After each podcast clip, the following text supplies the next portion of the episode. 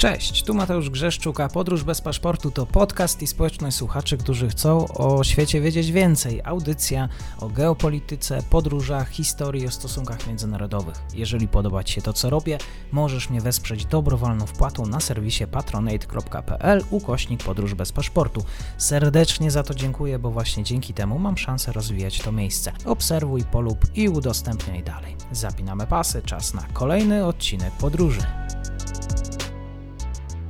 Dzień dobry wszystkim słuchaczom. Dzisiaj moim gościem, zresztą po raz kolejny, jest pan dr Damian Szacawa z Katedry Stosunków Międzynarodowych UMCS w Lublinie oraz Instytut Europy Środkowej. Dzień dobry panie doktorze. Również dziękuję. Dzień dobry.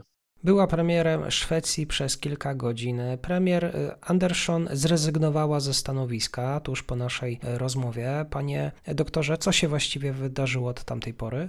Można powiedzieć, że wydarzyło się e, bardzo dużo, ponieważ rozmawialiśmy chwilę po tym, jak Andersson została zaakceptowana przez e, Riksdag jako kandydatka koalicji socjaldemokratów i Partii Zielonych, ale rozmawialiśmy i wtedy też w zasadzie wskazywaliśmy, że takim pierwszym testem będzie debata na temat e, budżetu na 2022 rok. Ta debata rozpoczęła się o godzinie 16 i w zasadzie bardzo szybko okazało się, że rząd mniejszościowy w Szwecji nie jest w stanie uzyskać większości, która pozwoliłaby na zaakceptowanie jego propozycji. O tym też w zasadzie było, e, było wiadomo wcześniej, że będą problemy z tym związane, ponieważ partia Centrum, która wstrzymała się od głosu w tym porannym głosowaniu, gdy Andersson została wskazana jako, jako, jako kandydat na, na, na premiera, wcześniej mówiła o tym, że to nie oznacza jednoznacznie, że udzieli poparcia budżetowi, który był e, przedstawiony przez jeszcze rząd e, Stefana Lowina. I w konsekwencji w zasadzie bardzo szybko, bo chwilę, chwilę po 16 okazało się, że został e, przegłosowany budżet, który jest określany mianem budżetu prawicowego, e, czy też prawicowego i nawet skrajnie prawicowego, biorąc pod uwagę, jakie różne są opinie dotyczące szwedzkich, szwedzkich demokratów, co w konsekwencji spowodowało, że chwilę po tym głosowaniu swoją konferencję prasową zorganizowali przedstawiciele Partii Zielonych, Per Bolund i, i, i Marta Stenevi, którzy ogłosili, że, krótko mówiąc, że Zieloni, czyli ta partia koalicyjna, mniejsza partia koalicyjna, która ma 16, 16 posłów w Riksdagu, odchodzi z rządu ponieważ nie zamierza wdrażać budżetu wynegocjowanego przez e, szwedzkich demokratów, albo inaczej budżetu, w którego tworzeniu by brali udział szwedzcy demokraci. To z kolei e, spowodowało, że e, no dosłownie godzinę później, czyli o 17.30 odbyła się konferencja prasowa Magdaleny Andersson, na której ona zapowiedziała, że ponieważ e, została wskazana jako premier rządu socjaldemokratów i Partii Zielonych, to w sytuacji, gdy jedna z tych partii opuszcza koalicję, ona również musi podać się do dymisji. Pytanie, na ile to jest e, możliwe, ponieważ ona formalnie jeszcze nie objęła stanowiska premiera. Miała to uczynić dopiero w piątek na spotkaniu z królem w trakcie tak zwanej tej rady przejściowej. Ale też powiedzmy, że cały czas e, oficjalnie władzę sprawuje premier socjaldemokrata. Co na to obecny pan premier? Znaczy, stanowisko jest takie, że premier Lowin e, nie, zajmuje, nie, nie zabiera głosu, bo on już w mhm. momencie, gdy ogłosił swoją dymisję, stał na czele rządu tak zwanego tymczasowego. W szwedzkiej kulturze politycznej, jeżeli można tak, tak to określić, rząd przejściowy, czyli do momentu, od momentu podania się do dymisji do momentu ogłoszenia nowego rządu, rząd przejściowy nie podejmuje żadnych wiążących decyzji dotyczących e, długookresowych skutków. On zajmuje się bardziej zarządzaniem na bieżąco tymi, tymi, tymi sprawami, tymi, tymi, tymi problemami. Więc faktycznie, e, pomimo tego, że Zieloni postanowili o wyjściu z koalicji, no to ministrowie z partii Partii Zielonych w dalszym ciągu sprawują swoje, e, mhm. swoje, swoje funkcje.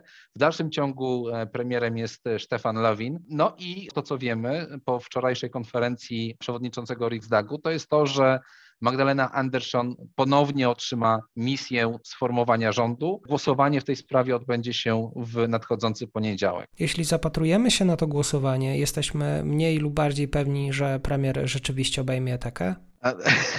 Chciał, chciałbym powiedzieć, że jesteśmy pewni, aczkolwiek e, no, ostatnie wydarzenia e, pokazały, że no, nie można być pewnym do samego, e, do samego końca. Tym bardziej, że no, generalnie nic się nie zmieniło, jeśli chodzi o rozkład sił. Jest pewnego rodzaju pad, ponieważ e, opozycja ma 174 głosy, rząd, e, czy też powiedzmy partie, które akceptują tak, e, rząd socjaldemokratów mają 175 głosów, więc to jest tak naprawdę żaden, żaden margines. No i to, co jest ważne w tym kontekście, to jest to, że jeszcze tego samego dnia, gdy po tym jak Anderson zrezygnowała, złożyła tą dymisję, dymisję powiedzmy w cudzysłowie, to przedstawiciele partii Zielonych, partii Centrum, czy też partii Lewicy wskazali, że oni podtrzymują swoje poparcie dla niej. To znaczy, że jeśli, tak, e, bo to, to była środa, środa, środa wieczór, jeśli Anderson otrzyma ponownie misję sformułowania rządu, a wiemy, że tak się stało, to w głosowaniu będą za, głosować za nią albo wstrzymają się od głosu. To, co też jest ważne w kontekście tego, w jaki sposób jest e, wybierany premier Szwecji. Tak naprawdę, no to nawet jeśli Magdalena Andersson zostanie, zostanie premierem w końcu e, Szwecji, no to nie będzie miała lekkiego życia, dlatego że po pierwsze będzie musiała realizować budżet, który został zatwierdzony i to jest budżet, który nie jest zgodny z wizją socjaldemokratów ani też partii, partii Zielonych, natomiast on jest obowiązujący. Po drugie, no będzie dysponowała mniejszością. Socjaldemokraci mają obecnie w Riksdagu 100, 100, 100 mandatów. To powoduje, że będzie musiała się wykazać nie lada zdolnościami, aby poszukiwać poparcia dla rozwiązań, które będzie musiała, musiała wdrożyć. Po trzecie, no, nie zapominajmy o tym, że wybory parlamentarne są zaplanowane na wrzesień. Gdyby jednak z jakichś powodów Magdalenie Andersson nie udało się sformułować rządu i nie udałoby się to później ewentualnie liderowi opozycji, czyli liderowi moderatów, co jest bardzo, bardzo prawdopodobne, no to mielibyśmy do czynienia z przyspieszonymi wyborami. Na razie wszystko na to wskazuje, że tych wyborów nie będzie, no ale, ale, ale obserwujmy to co, to, co się tam dzieje. E, Szwedzi są, lekko mówiąc, zdegustowani tym, co się, co, co mhm. się dzieje w Riksdagu.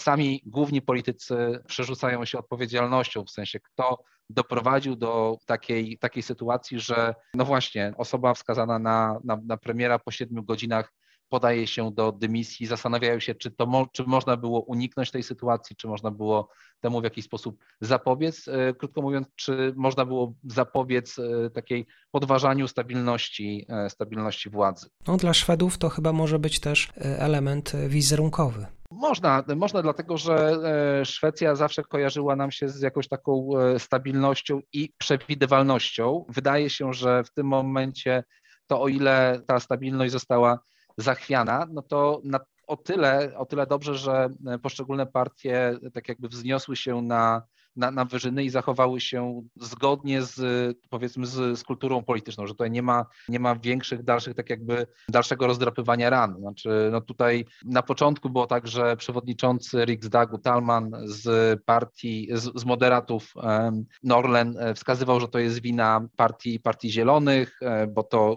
bo to oni w zasadzie podjęli taką nagłą decyzję. Później Partia Zielonych, przedstawiciele Partii Zielonych wskazywali się, że, wskazywali, że, że to jest nieprawda, bo Anderson wiedział, wiedziała wcześniej, że jeśli zostanie przegłosowany budżet e, opozycji, no to zieloni wyjdą z tego rządu. No i w końcu ta, jak to jak często akurat w Szwecji, ta sprawa gdzieś tam się rozmywa, w sensie sprawa odpowiedzialności za to, co się, co się wydarzyło, rozmywa się pomiędzy poszczególnymi politykami. Będziemy patrzeć na Szwecję i w razie czego informować słuchaczy. Moim, moim gościem był dzisiaj pan dr Damian Szacawa, Wydział Politologii Dziennikarstwa UMCS w Lublinie. Serdecznie dziękuję.